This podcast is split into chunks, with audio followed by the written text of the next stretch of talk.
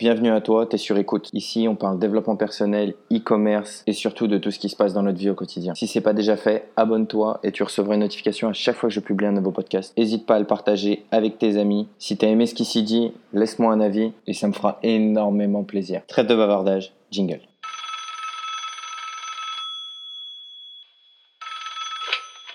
Allô, c'est toi? Quitte pas. T'es sur écoute. Maybe you should pull the fucking trigger. Pull the trigger. Ain't nobody gonna do for you. Pull the trigger. Good morning, Vietnam! Ici, c'est pas le Vietnam, c'est la Thaïlande, mais c'est tout comme. J'espère que c'était pas trop fort dans vos oreilles. Mais tu me diras dans le film, comme à la radio, parce que c'est tiré d'une histoire vraie, il hurlait pour réveiller tous ses auditeurs. Donc j'espère que tu es réveillé, que tu es bien à l'aise, bien confortable, peu importe où tu m'écoutes. C'est parti. Aujourd'hui, on va parler de mon réveil. Et ouais, aujourd'hui, je me suis réveillé à 5h15 du matin pour la première fois consciemment, consciencieusement, si je peux même dire en plusieurs syllabes. Et pourquoi c'est un exploit? Si tu me connais vraiment bien, tu peux savoir que je suis pas un lefto. Je n'étais pas un lefto, ou du moins, fausse croyance, c'est ce que je pensais. Je n'étais pas quelqu'un qui aimait se lever tôt. Nuance. Pas que je ne suis pas un lefto, je peux me lever tôt si j'en ai envie. Et la preuve, aujourd'hui, je l'ai fait. 5h15, pourquoi je me suis levé à 5h15 J'avais rien de spécial à faire, hormis mon yoga, ma méditation, lire un livre et puis prendre un peu le temps de programmer trois interviews pour ce podcast. Donc j'espère que tu es prêt à m'écouter et à écouter certains de mes amis qui vont se faire un plaisir de te raconter toute leur histoire. Je ne veux pas te donner de nom, mais ça va être intéressant, je te promets. En fait, ce n'est pas la première fois que je songe à me lever aussitôt, mais je me suis toujours donné des excuses, je me suis toujours trouvé des excuses, je me suis toujours dit, non, mais t'es pas fait pour ça. Donc avant, je travaillais dans la restauration, je finissais à 2-3 heures du matin, donc forcément, j'avais pas envie de me lever tôt le matin. Et on a tous ce genre d'excuses. Là, par exemple, aujourd'hui, j'étais à la boxe taille et il y a un mec qui vient régulièrement. Il- je vois qu'il essaie de faire des efforts, mais il arrive jamais à l'heure. Il voulait venir au yoga l'après-midi et encore une fois, il arrive en retard. Et il a toujours une excuse. Ouais, mais ma femme si, ouais, mais mon travail ça. Au final, on a tous 24 heures par jour. T'as 24 heures, j'ai 24 heures. Combien de temps tu passes à dormir? Combien de temps tu passes sur les réseaux sociaux? Combien de temps tu passes à euh, faire caca ou à manger? Peu importe.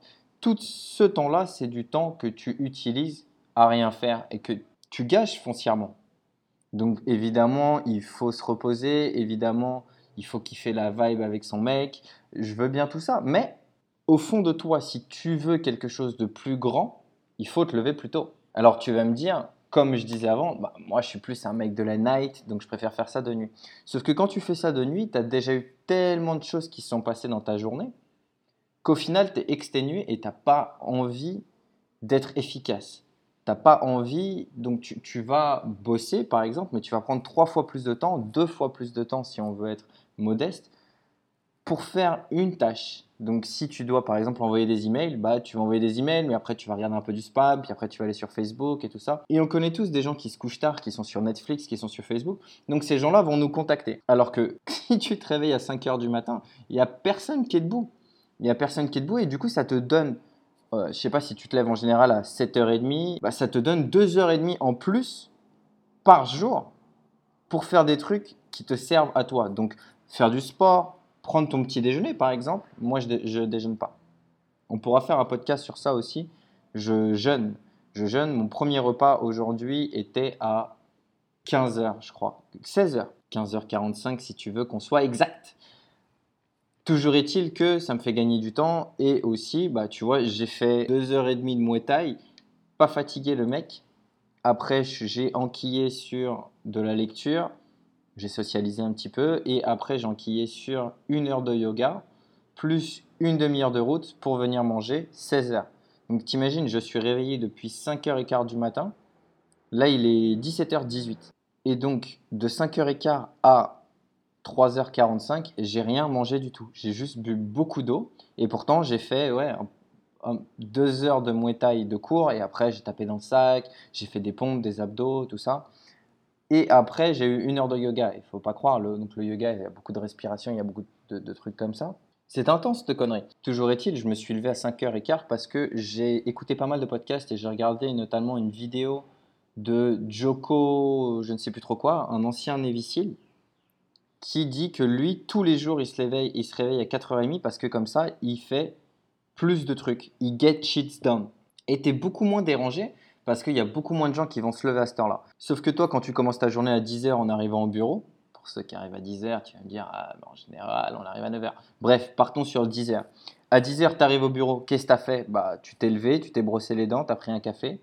J'espère que tu prends le café avant de te brosser les dents. Mais bref. Et tu allé au bureau, tu arrives au bureau, ta journée commence. Bah, moi, à 10h, j'avais déjà médité, j'avais déjà fait mon yoga et j'avais confirmé mes trois podcasts interviews. Donc, je veux dire, si tu veux faire plus de choses, et que tu dis que tes journées sont pas assez longues, juste lève-toi plus tôt. Alors certes, là il est 5h30 comme je te disais, je commence à fatiguer, mais toujours est-il que ma journée va se finir dans, je sais pas, 5h, je vais me coucher vers 22h30, et c'est une bonne heure. C'est juste que j'ai vu ça pareil dans une vidéo de Casey Nesta, où lui, il dit qu'il enlève ses 2 heures de Netflix le soir de 21h à 23h, il se couche vers 21h, 21h30, et du coup, ça te permet de se lever à 4h30. Après, tu es libre de ton temps. Hein. Je ne vais pas te dire ce que tu dois faire et ce que tu ne dois pas faire. Toujours est-il que je t'explique ce que moi j'ai fait aujourd'hui. Je me suis levé à 5h15.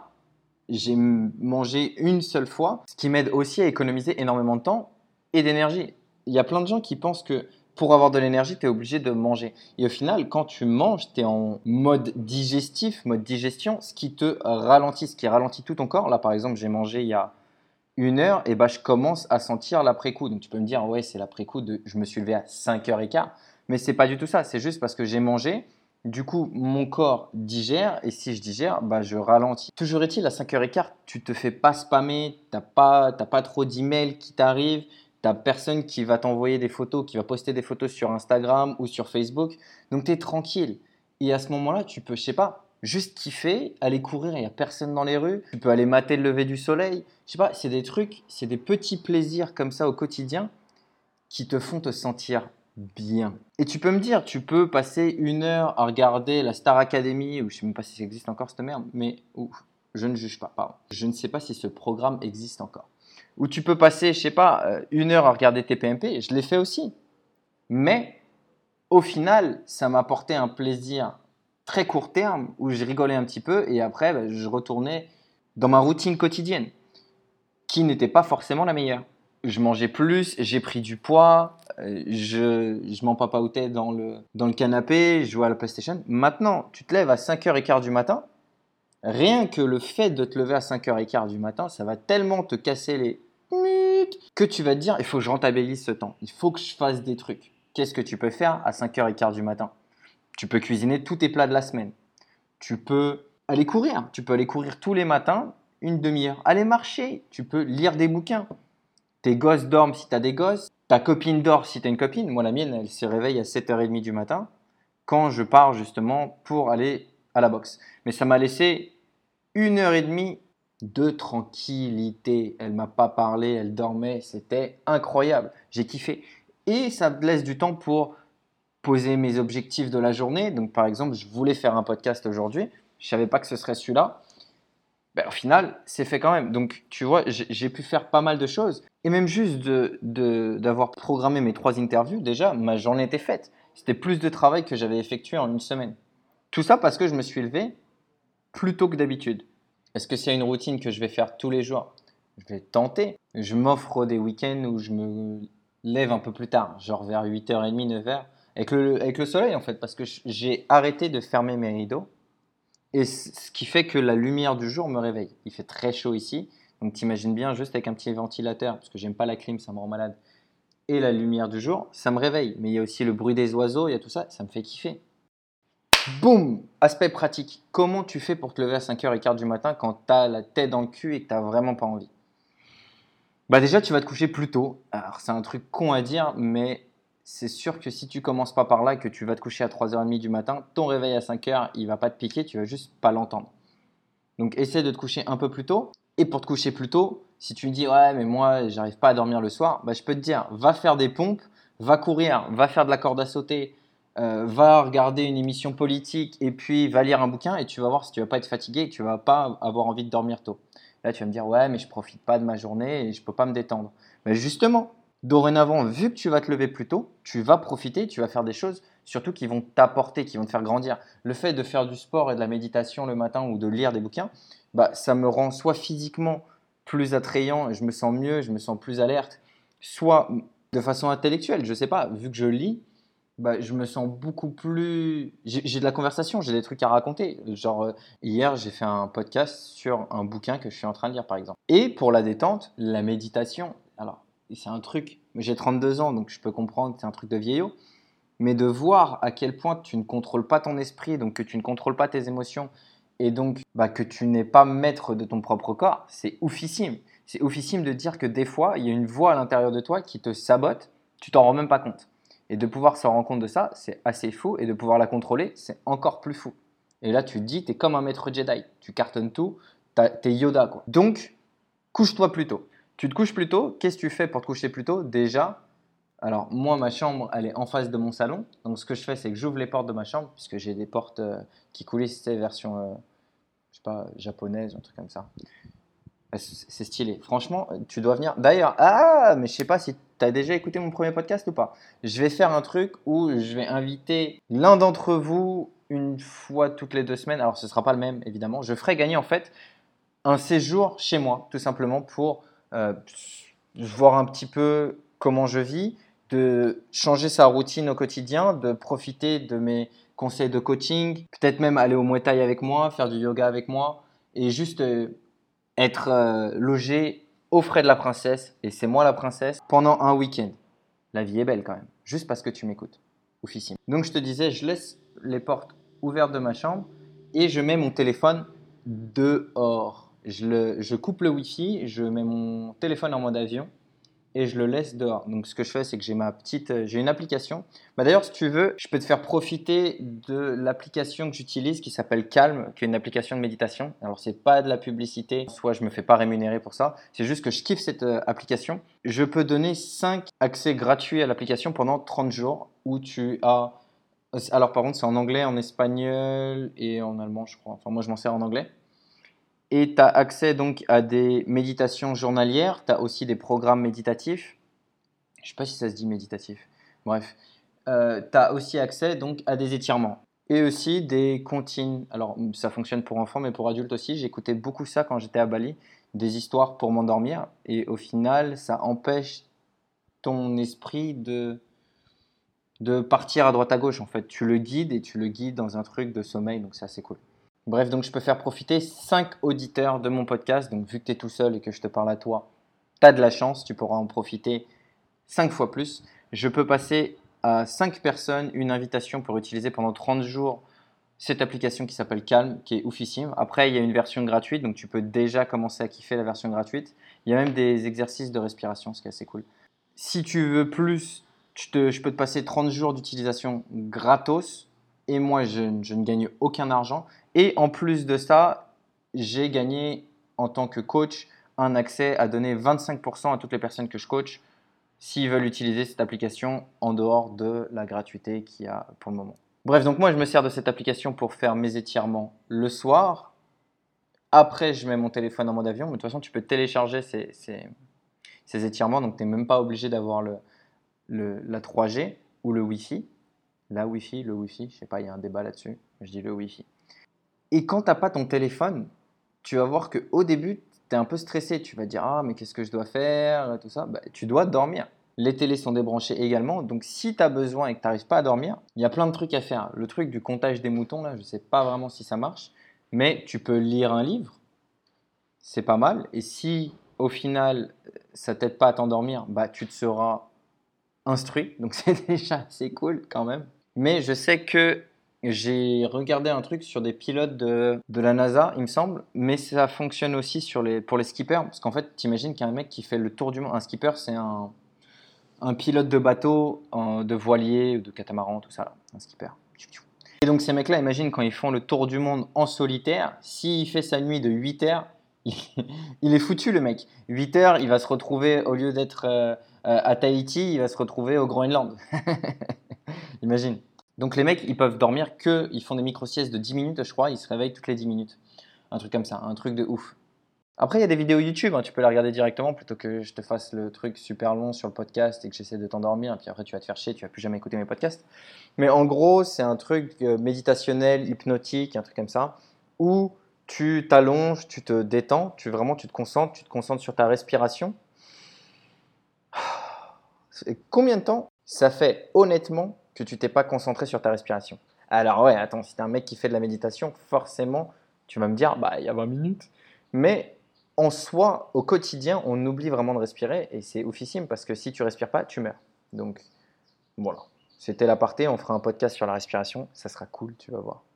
Bref, tu te concentres sur ta respiration, t'inspires, t'expires et t'essaies de vraiment détendre tous tes muscles. Donc t'essaies de vraiment te dire quel muscle est tendu. En général, bah, la mâchoire, euh, on a un rictus au niveau des sourcils, on a les épaules qui sont un peu tendues, surtout si tu travailles dans un bureau ou que comme moi, tu passes ton temps sur ton téléphone à regarder et donc tu es en général tendu des épaules. Donc tu essaies vraiment de respirer et de te concentrer sur toutes ces petites zones là comme ça, petit à petit, en allant de la tête aux pieds.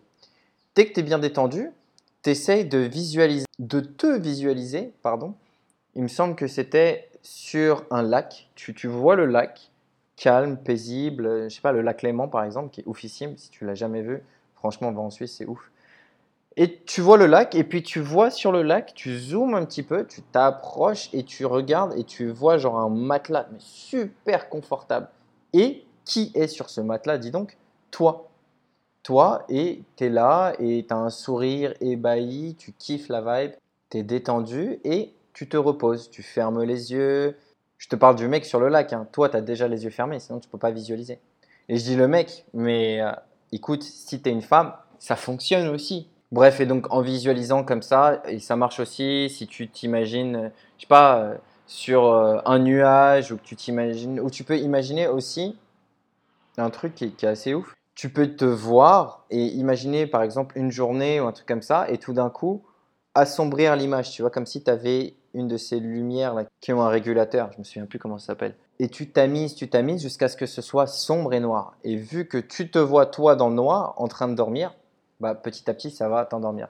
Et en général, bon, il disait que c'était un exercice, je crois, qui prenait entre 5 à 6 semaines, le temps de vraiment bien le gérer, mais que ça peut te permettre de faire des power naps. Et en gros, c'est connu qu'un homme, l'homme avec un grand H, pardon madame si tu m'écoutes et que je dis pas assez mesdames.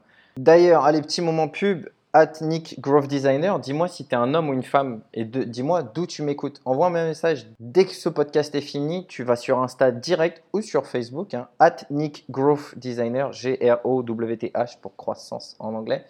Et tu m'envoies un message et tu me dis Hey Nick, c'est moi, je m'appelle Sarah, je suis du Canada, je m'appelle euh, euh, Mike, je suis à Dubaï, je m'appelle, euh, je sais pas moi, peu importe comment tu t'appelles, peu importe d'où tu viens, juste présente-toi, qu'on soit un petit peu plus intime. Et dis-moi s'il y a un truc que tu voudrais qu'on couvre, que j'ai pas déjà couvert ou que j'ai peut-être entrouvert et que j'ai pas, pas insisté. Donc bref, cette technique-là euh, d'hypnotisation, auto-hypnotisation, elle fonctionne bien et scientifiquement c'est prouvé que 20 minutes de sommeil est aussi récupérateur que 2 heures je crois ou même 5 heures parce qu'en fait c'est les 20 premières minutes où on est en sommeil profond et en fait c'est connu qu'on monte, on sort de notre sommeil profond, on y retourne, on monte, on retourne. Donc en soi quand tu montes, si tu te réveilles que tu fais des choses de ta journée et que tu te rendors pour tomber directement dans ton sommeil profond, c'est aussi efficace.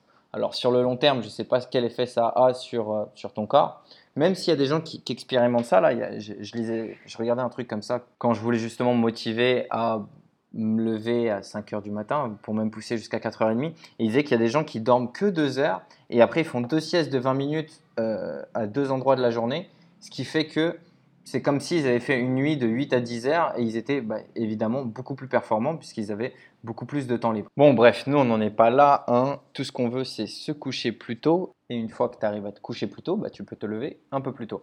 Donc j'espère que ces techniques là de faire tes étirements avec l'application Calm, de écouter des bedtime stories avec l'application Calm aussi, mais tu n'es pas obligé. Il y a d'autres euh, applications comme Headspace ou, même tu dois trouver ça sur YouTube. Mais après, si tu as ça sur YouTube ou comme ça, bah, c'est qu'en général, ton téléphone, il est à côté de toi.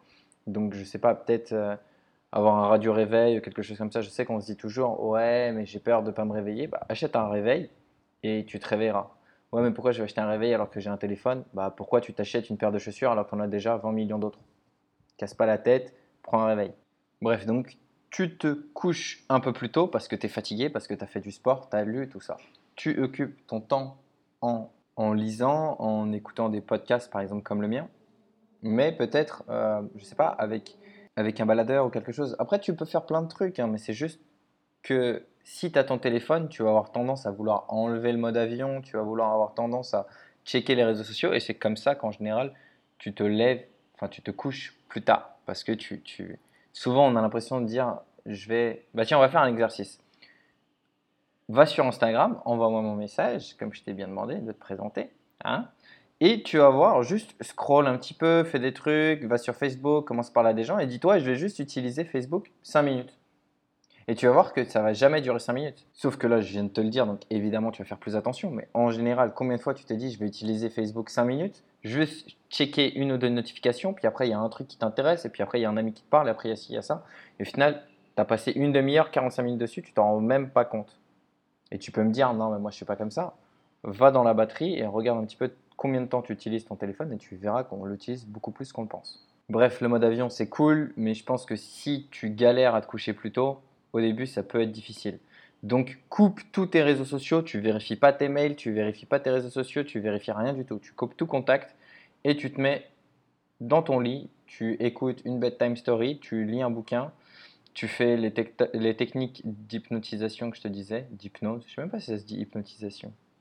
Bref, tu m'as compris, j'ai inventé pas mal de mots, je pense que la fatigue commence à me jouer des tours, mais il est 6h15, j'ai fait des petites pauses, et c'est dur de parler à son écran d'ordinateur. Parce que ouais, ça sur mon ordi. Je ferme les yeux parce que j'essaie de t'imaginer. Bref, donc tu t'es couché plus tôt. Maintenant, l'autre étape, c'est de te réveiller plus tôt. Comme je te disais, moi, ce que je fais, c'est que je laisse mes portes ouvertes, je laisse mes rideaux ouverts pour avoir pas mal de rayons de soleil. Et vu que mon, réveil, mon téléphone, pardon, mon réveil, mon réveil est sur mon téléphone, mon téléphone est dans une autre pièce, ce qui fait que quand ça sonne à 5h15 du matin et que tu n'as pas envie de réveiller toute la maison, ou juste tu n'as pas envie, mais tu sais très bien qu'il va pas s'arrêter tout seul, bah, vu qu'il est dans l'autre pièce, tu es obligé de te lever. Tu es obligé de te lever pour aller l'éteindre. Donc, vu que tu as déjà fait l'effort, tu as fait au moins 5 ou 6 pas, il faut pas que le truc il soit à une distance de bras. Il faut vraiment que tu te lèves et que tu fasses 1, 2, 3, 4 pas. Tu vois. Si tu si as une chambre, tu habites encore chez tes parents, bah, tu le mets euh, sur ton bureau ou, enfin, je sais pas, tu le mets vraiment au coin le plus loin possible. Vraiment, tu es obligé de te lever. Et quand tu fais ça, en fait, vu que tu t'es déjà levé, en général assez vite parce que tu veux pas te faire engueuler par tes parents ou ta famille ou tes copines ou, ton copain ou je sais pas, ton chien, ton chat, peu importe, tu vas le faire vite. Et vu que tu le fais vite, boum, tu t'es déjà donné le kick. Après, comme je disais tout à l'heure, tu es réveillé déjà à 5h15, tu vas peut-être avoir envie de faire pipi ou un truc comme ça. Donc tu t'es déjà réveillé. Il est déjà 5h15, tu es déjà debout. Pourquoi tu vas aller te recoucher? Tu peux être fatigué, bah, tu peux te dire, ok, très bien, je suis fatigué, mais euh, pourquoi pas me poser un petit peu et juste méditer, m'étirer doucement. Tu vois, faire un truc cool. T'es pas obligé de te dire, allez, vas-y, je vais me faire 300 pompes direct et euh, enchaîner sur le semi-marathon de Paris.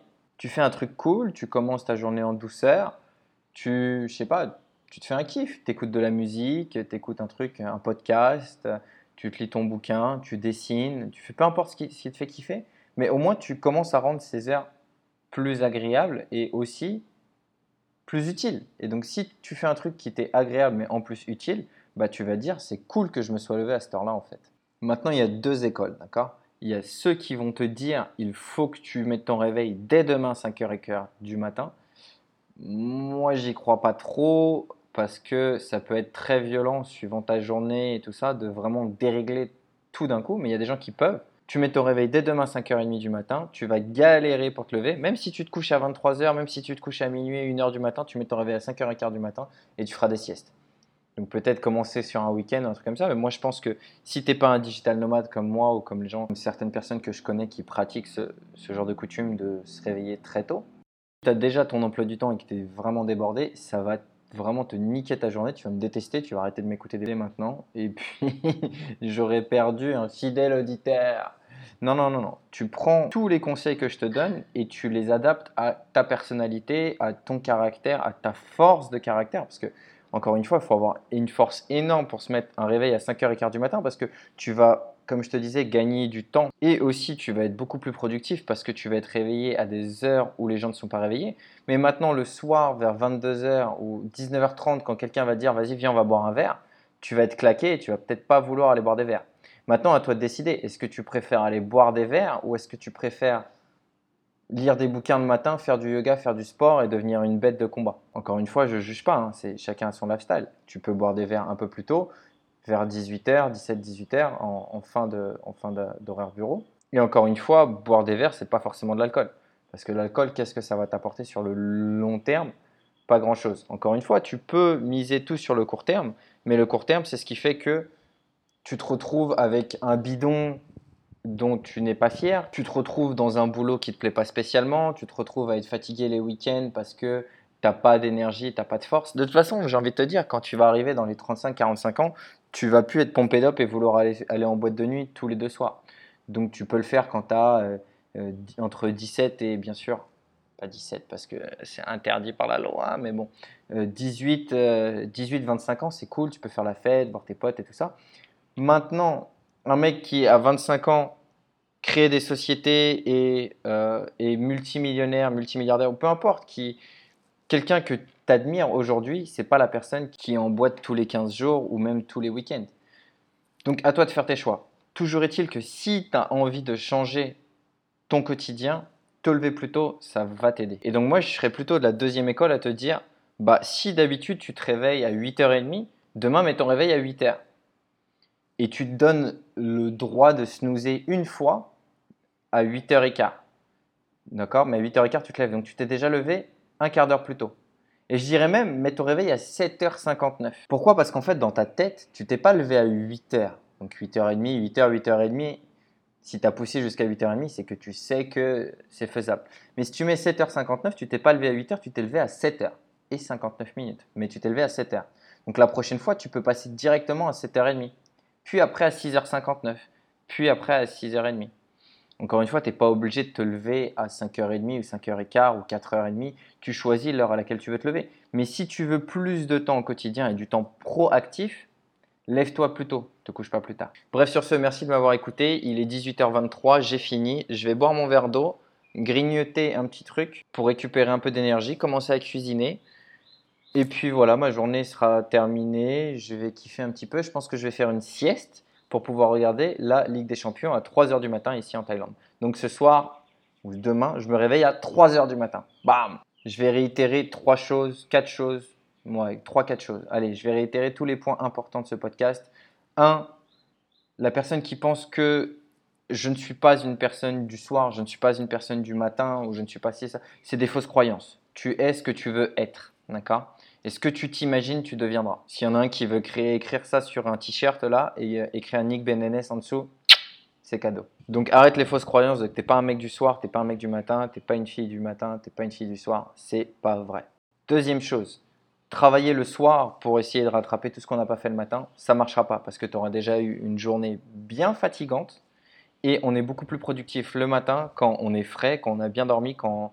Enfin voilà, si je te demande qu'on se voit, tu auras beaucoup plus envie de me voir un week-end ou quand tu es en vacances que de me voir tous les soirs après ton taf, quand surtout tu as eu des réunions, des calls et des trucs comme ça, que tu vas être fatigué de fou malade. C'est normal. Bah, si tu veux faire des trucs proactifs dans ta vie, donc euh, faire du sport, lire des bouquins, tout ça, ça peut servir après le taf pour décompresser. Mais si tu as besoin de faire plus, d'où le concept de se lever le matin, bah fais-le le matin. Voilà. Parce que le soir, tu ne seras pas aussi efficace. C'est sûr, je te le promets. T'es pas obligé de te lever à 5h15 du matin, mais lève-toi plus tôt. Juste choisis toi ton rythme. Ça peut être 5h15, ça peut être 4h15, ça peut être 6h15. Toujours est-il, il faut que tu te lèves plus tôt que la concurrence pour être plus fort que la concurrence. Si aujourd'hui tu veux un taf que quelqu'un d'autre a, eh ben, tu dois faire 10, 20, 50, 300% de plus que cette personne-là. Tu veux une société que cette personne a, tu veux ce chiffre d'affaires, tu veux cet argent de poche, tu veux ces vacances, tu veux ce corps, ce physique, ce mental, fais plus que cette personne. Donc si tu te bats contre quelqu'un qui se lève à 5 heures, tu as intérêt à te lever à 4h30 ou sinon de 5 heures à l'heure à laquelle tu vas te coucher, tu as intérêt à être beaucoup plus efficace. Écoute ton corps. Écoute ton corps si il te dit que 6h30 c'est beaucoup trop tôt pour toi, si il te dit que tu vas trop vite dans euh, les paliers, donc de, de lever au lieu de 8h30 de te lever à 7h30 direct, bah fais par quart d'heure ou par 20 minutes, tu vois. Mais le but, c'est que tu y arrives, pas que tu te dises, ouais, ouais, j'abandonne. Si tu fais des paliers trop de 5 minutes, bah forcément, vu que tu vas snoozer puis tu vas dire, je suis pas à 5 minutes près, ça va pas marcher. ok? Par demi-heure, je pense que c'est pas mal. Moi, c'est ce que j'ai fait. J'ai fait demi-heure et après, j'ai fait de l'heure. Dis-toi que si des gens le font, c'est que toi aussi, tu peux le faire. T'as rien de moins, t'as rien de plus, hormis de la volonté. Et le dernier, et surtout le plus important, abonne-toi. Donc si tu m'écoutes sur iTunes, Google Play, Stitcher, TuneIn, Spotify, peu importe, abonne-toi. Pense à partager à tes potes aussi, ce conseil peut leur servir et tu passeras pour un mec sympa. Oublie pas que je t'ai dit, je peux inviter jusqu'à 5 personnes pour profiter gratuitement pendant 30 jours de l'application Calm. Et si vraiment tu veux aller plus loin, je peux t'offrir même 25%. Moi, j'y gagne rien et toi, tu as tout à y gagner. Donc pourquoi tu veux hésiter? S'il te plaît, envoie-moi un message sur Insta ou sur Facebook, at Nick Designer, et dis-moi si t'es un garçon, si t'es une fille, euh, si t'es de Paris ou si t'es de, je sais pas, de Marseille, de Montréal, de Bruxelles. J'ai vu qu'on m'écoutait un peu partout dans le monde. Et ouais, tu es tout seul, mais partout à la fois. Fort. Ça serait intéressant de savoir et comme ça euh, aussi, tu pourras me donner peut-être des sujets de, conversation ou me dire, tiens, ce serait cool que tu interviewes cette personne-là ou est-ce que tu connais tel bouquin ou est-ce que tu as lu ça ou des conseils, tu vois. On est là entre potes, il faut partager. Aimer, c'est partager, c'est ce que je dis tout le temps. Sauf, sauf la bouffe. bon, voilà, c'est à peu près tout. Tu peux aussi, alors je sais pas comment je vais faire ça. Je pense que c'est les gens qui vont interagir avec moi. Je les inviterai chez moi en Thaïlande un week-end. Donc évidemment, il faudrait que tu viennes en Thaïlande. Mais si tu comptes, je sais pas, passer une semaine, deux semaines, trois semaines en Thaïlande, tu auras le droit à trois nuits, deux jours chez moi ou deux nuits, trois jours. Je sais pas, on verra. Mais euh, un week-end chez moi et on, je t'entraînerai à la PNL, je t'entraînerai à l'hypnose, à la communication non violente qu'on retrouve notamment beaucoup dans la thérapie conjugale. On fera des bases de, yoga ensemble, peut-être un peu de muay thai et on ira à la plage. Il y a la piscine en bas, la salle de sport. On va kiffer la vibe. Ça fait trois fois que je dis kiffer la vibe. J'aime pas du tout cette chanson. Allez pas croire que je suis un fan de Diams. C'est juste, je sais pas. Il y avait beaucoup de vibe chez moi aujourd'hui. Sur ce, 32 minutes, on a battu le record et je vais raccrocher tout de suite. Pop Maina, ça veut dire à bientôt en taille. C'est cadeau.